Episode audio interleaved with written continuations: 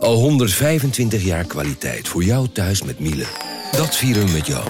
Ontvang nu tijdelijk een cashback tot 125 euro op veel Miele-apparatuur. Geniet van de kwaliteit van Miele. Voor perfect verzorgd wasgoed en kleding die veel langer mooi blijft. Voor een stralend schone vaat, even perfect als jouw diners. En een stofvrij thuis waarin echt hygiënisch schoon de standaard is. Check miele.nl voor alle feestelijke aanbiedingen. Hey podcastluisteraar.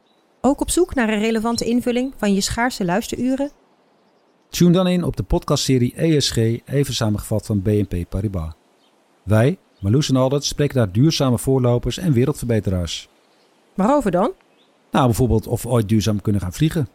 En waarom koeien in de stad nou een goed idee is?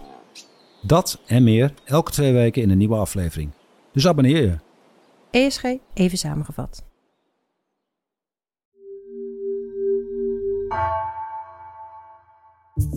Vanaf de redactie van NRC het verhaal van vandaag. Mijn naam is Gabriella Ader.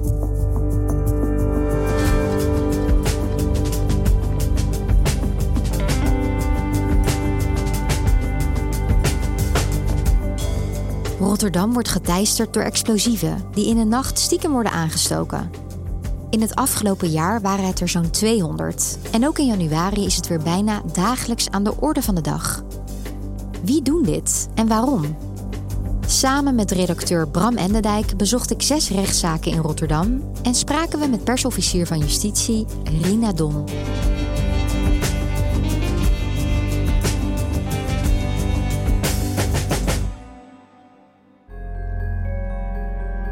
Het zijn jongens die een adres krijgen, die midden in de nacht op een scooter daar naartoe rijden. Met vuurwerk dat ze meenemen en benzine. En het zijn jongens die dat dan ophangen aan de voordeur, die dat aansteken en daarna hard wegrennen. En aan de knal horen ze dan of het gelukt is. Ik hoorde een knal en ik voelde de flat trillen. Toen ben ik gaan kijken en toen zag ik dus dat er heel veel rook en allemaal glas op de grond was. Ik was gewoon televisie aan het kijken, ik had geen slaap. Toen hoorde ik zo'n uh, grote knal en zo. En ze horen het aan de nieuwsberichten de volgende dag, op internet, op de radio. Ze horen dan de zoveelste explosie in Rotterdam. Welkom bij Rijnmond. Bij deze woning aan de Jachthuisstraat in Rotterdam-West is op maandagnacht een explosie geweest. En mijn collega Gabriella en ik wilden weten, wie zijn ze? Wie hangt er nou midden in de nacht zwaar vuurwerk aan een voordeur? Wie sprenkelt er benzine over de stoep? En wie maakt de hele stad bang? Ik woon hier met uh, kleine kinderen. En dan, uh, als dat soort dingen gebeuren in de straat uh, vlak naast je huis, dan is dat natuurlijk niet fijn. Ik vind het heel erg dat er iedere keer zulke dingen gebeuren. Want ik woon hier nou, denk 50 jaar. Maar dit soort toestanden heb ik nog nooit meegemaakt. Maar vooral ook, waarom doen ze dit? En om antwoord te geven op die vragen volgden we meerdere zaken in Rotterdam het afgelopen najaar. Omdat juist in deze regio de meeste explosieven zijn opgehangen. Goed, voor u alle drie geldt dat u verdachte bent in een strafzaak. Dat u op verdere vragen geen antwoord hoeft te geven, maar dat u wel goed moet opletten. Mevrouw de officier, het woord is aan u. In de Rotterdamse rechtbank zitten drie mannen. En die mannen zitten daar nadat ze lopend, begeleid door de politie, die rechtszaal zijn ingekomen. Het zijn drie jonge mannen die in voorarrest zitten. En een van hen heeft een Ajax-shirt aan. In Rotterdam dus, een Ajax-shirt. Ja, je moet dat maar durven. En die man die zegt van nou, ik wil wel praten. Ik wil wel vertellen wat ik heb gedaan. Net als die andere twee jongens. En uit de verhalen van deze jonge mannen ontstaat een beeld van hoe dat gaat om zo'n explosief te zetten. Goed, u wilt alle drie wel praten, zo gezegd. Uh, ja. Ik begin dan nu op 4 april uh, om uh, vijf over half drie s'nachts. Krijgt de politie van de meldkamer een melding om naar de Allard Piersonstraat in Rotterdam-West te gaan. Daar zou een ontploffing zijn geweest. De politie nou ja, constateert dat er een, waarschijnlijk een Cobra 6 op het raam is geplakt met tape. Um, die is ontploft. het glas ligt tot 10 meter van het pand weg. En een van de onderzoeksbevindingen is dat uw wordt aangetroffen op de tape waarmee de cobra aan het raam is geplakt. Heeft u daar een verklaring voor? Wilt u daar wat over vertellen? Ja, ja ik heb de explosie daar gezet. Want later is op uh, videobeelden te zien dat u voor het raam bent gaan staan, dat er iemand op uw schouders klimt en daar de, uh, het explosief aan het raam tapet of bevestigt. Uh, dat het wordt aangestoken en dat een korte tijd later wordt er een lichtflits gezien en een explosie gehoord. Uh, maar bent u inderdaad diegene die voor het raam gaat staan en er klimt iemand op uw nek? inderdaad. Ja. Wilt u de rechtbank vertellen wie dat was? Nee. Nee? Uh, meneer was u dat? Nee, nee? niet. Nee.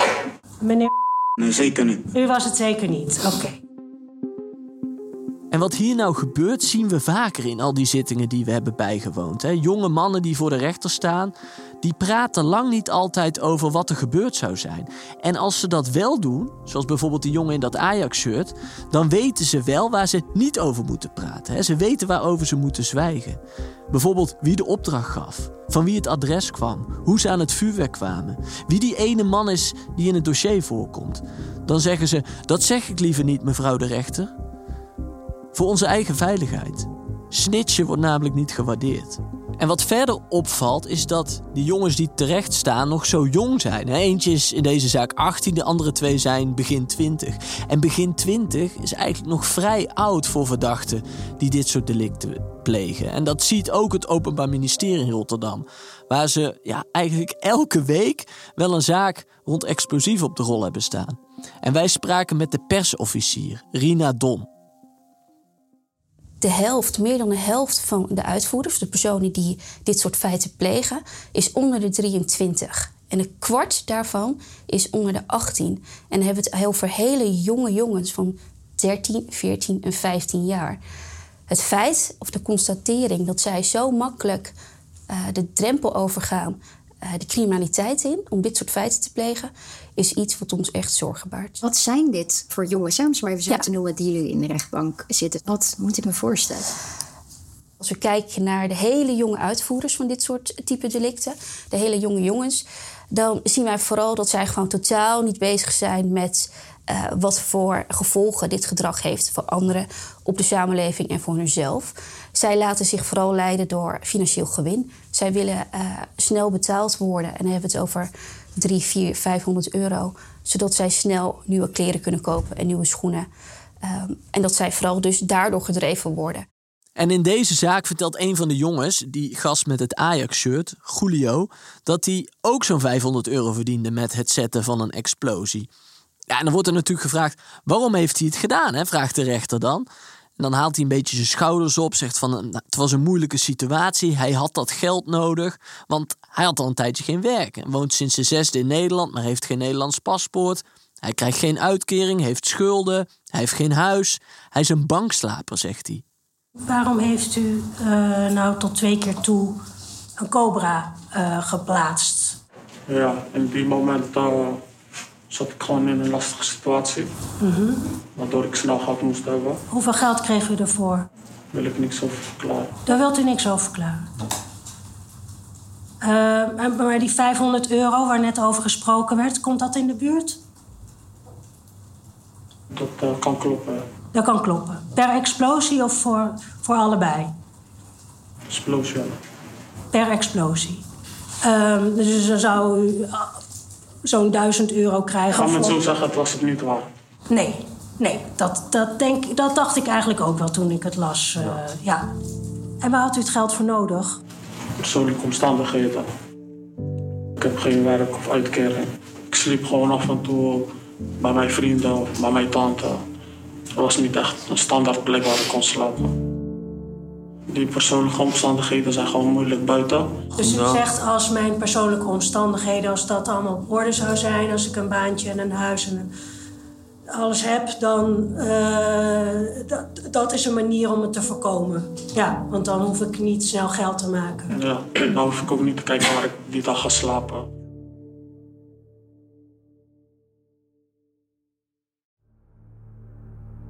Is het nou één grote criminele groep in Rotterdam die dit doet? Of zijn het allemaal verschillende organisaties? Of zit er helemaal geen organisatie ook achter?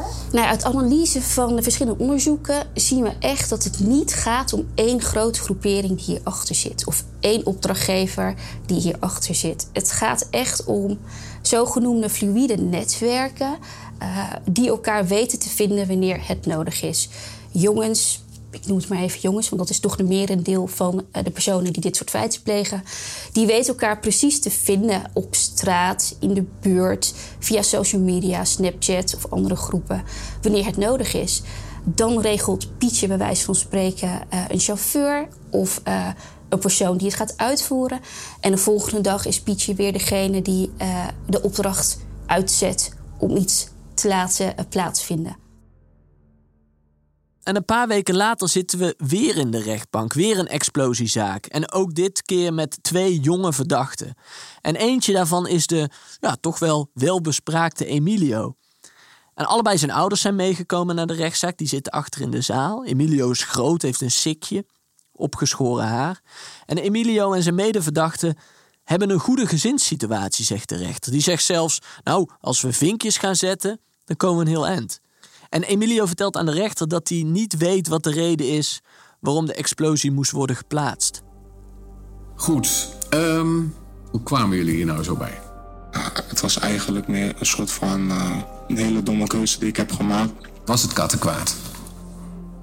Uh, op dat moment zag ik het eigenlijk niet echt als zo, ja, hoe ik het zeg, zo heftig. Ik zag het eigenlijk meer als echt gewoon even dom, dom gedrag, zeg maar. Hoe gaat dat dan? Want dan moet je op een gegeven moment toch contacten hebben op de een of andere manier eh, waardoor dat dan gebeurt. Of kan je daar iets over zeggen?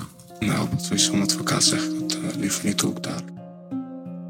Nou ja, we zien dat uh, dit soort uh, type vormen van geweld uh, voornamelijk worden toegepast in zaken waarbij het gaat om drugsgerelateerd geweld. Dus echt drugsmilieu waarin het voorkomt. Maar helaas zien we ook dat dit soort type geweld in andere contexten worden toegepast. Denk dan aan familieruzies of um, zakelijke conflicten of jeugdbendes die elkaar een hak willen zetten of niet. Je ziet gewoon dat het steeds meer wordt toegepast uitvoerders van het zetten van explosies komen veel vaker voor de rechter dan mensen die daarachter zitten. En dat komt ook omdat uitvoerders eigenlijk nooit over de opdrachtgevers praten. En dat doen ze zelfs niet als de namen van die opdrachtgevers in het dossier voorkomen, zoals in de zaak van Emilio. Wie is Vlugge Jaapie? Wie is dat? Op advies van advocaat zeg ik dat liever niet. Die zou met jou appjes hebben gestuurd met de vraag: wil je wat, uh, wil je wat verdienen? Ik zeg het in mijn eigen woorden. Was jij die Emilio met wie hij aan het appen was?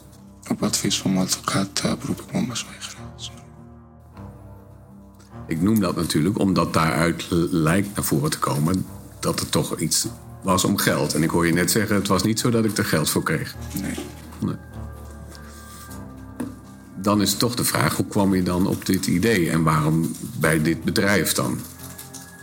Want je zegt wel steeds van ja, het was eigenlijk allemaal niet de bedoeling en het, was, eh, het werd allemaal veel erger dan ik had verwacht. Maar het was wel heel doelgericht. Dus wat, wat was, waarom dit adres en wat was daar dan de bedoeling van? Dat, ik, heb, dat, uh, ik heb geen idee waarom dat adres. Want jij hebt op een gegeven moment dat adres ook op je telefoon op zitten zoeken. Ja, dat klopt.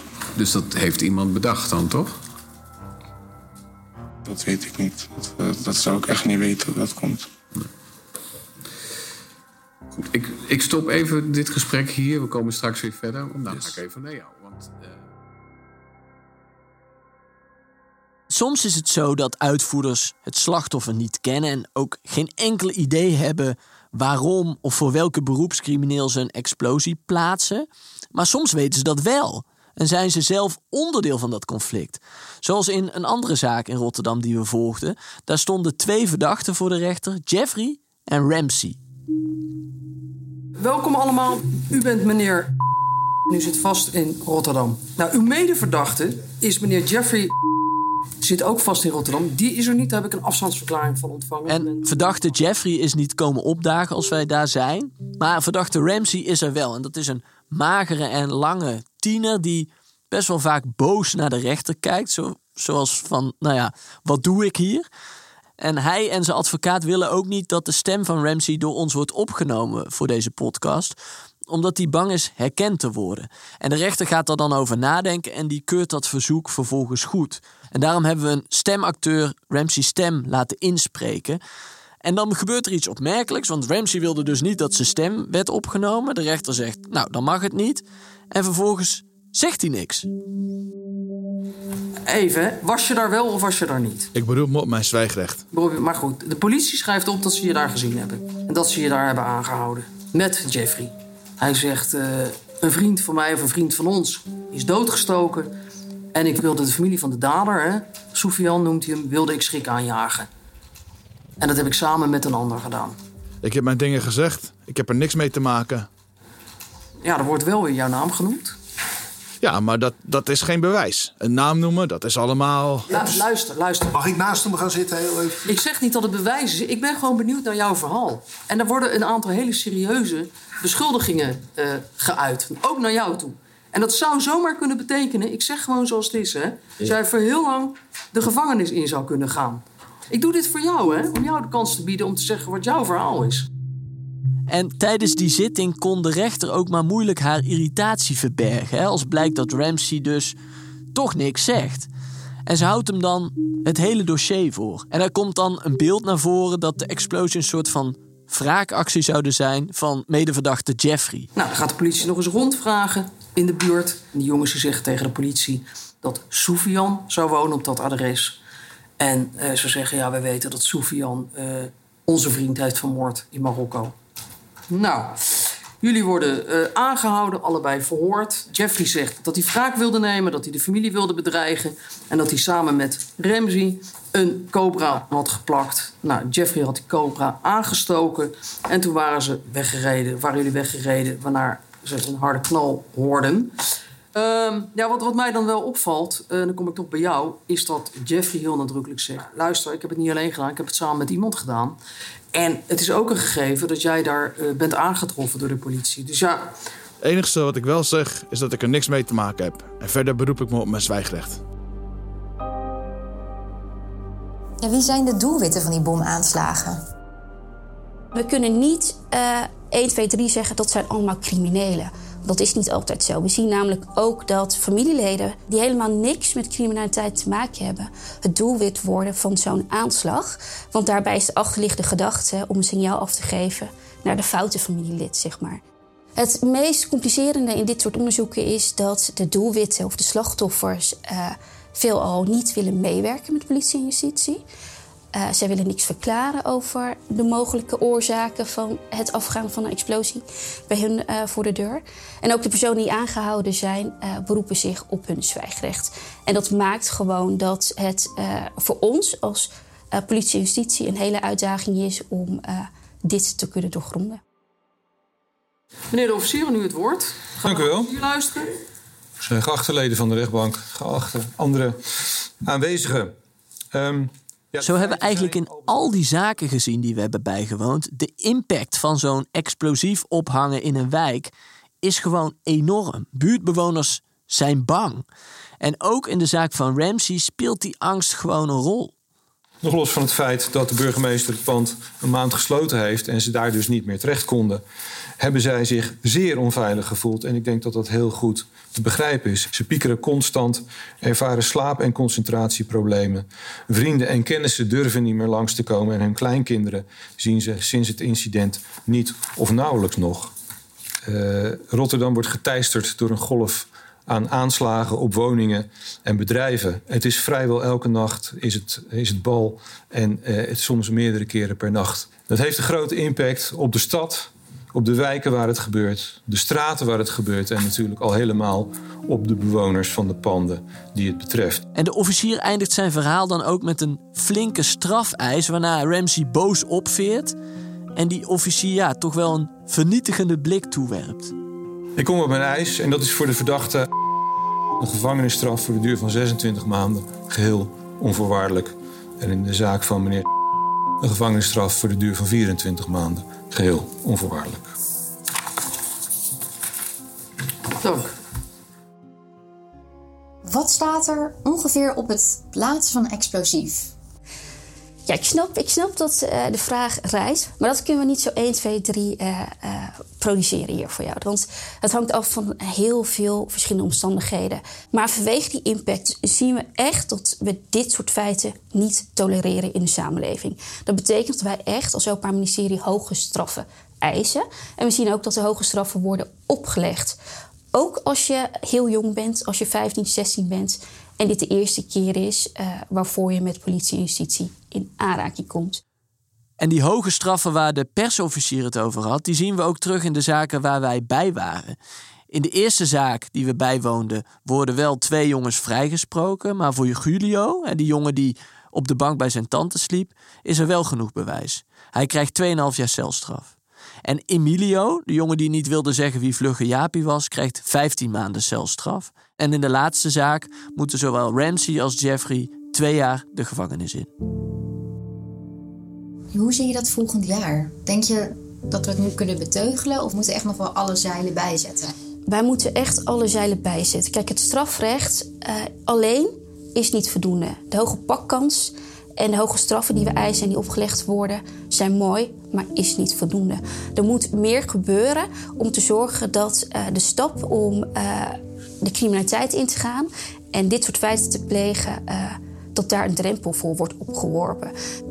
we kunnen het niet alleen. We hebben echt maatschappij nodig. Je luisterde naar vandaag, een podcast van NRC.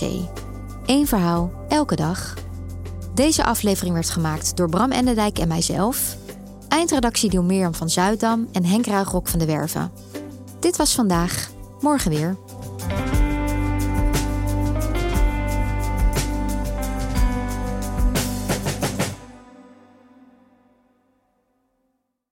Technologie lijkt tegenwoordig het antwoord op iedere uitdaging.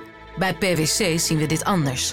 Als we de potentie van technologie willen benutten, kunnen we niet zonder een menselijk perspectief. Human-led, tech-powered noemen we dat. Ga naar pwc.nl.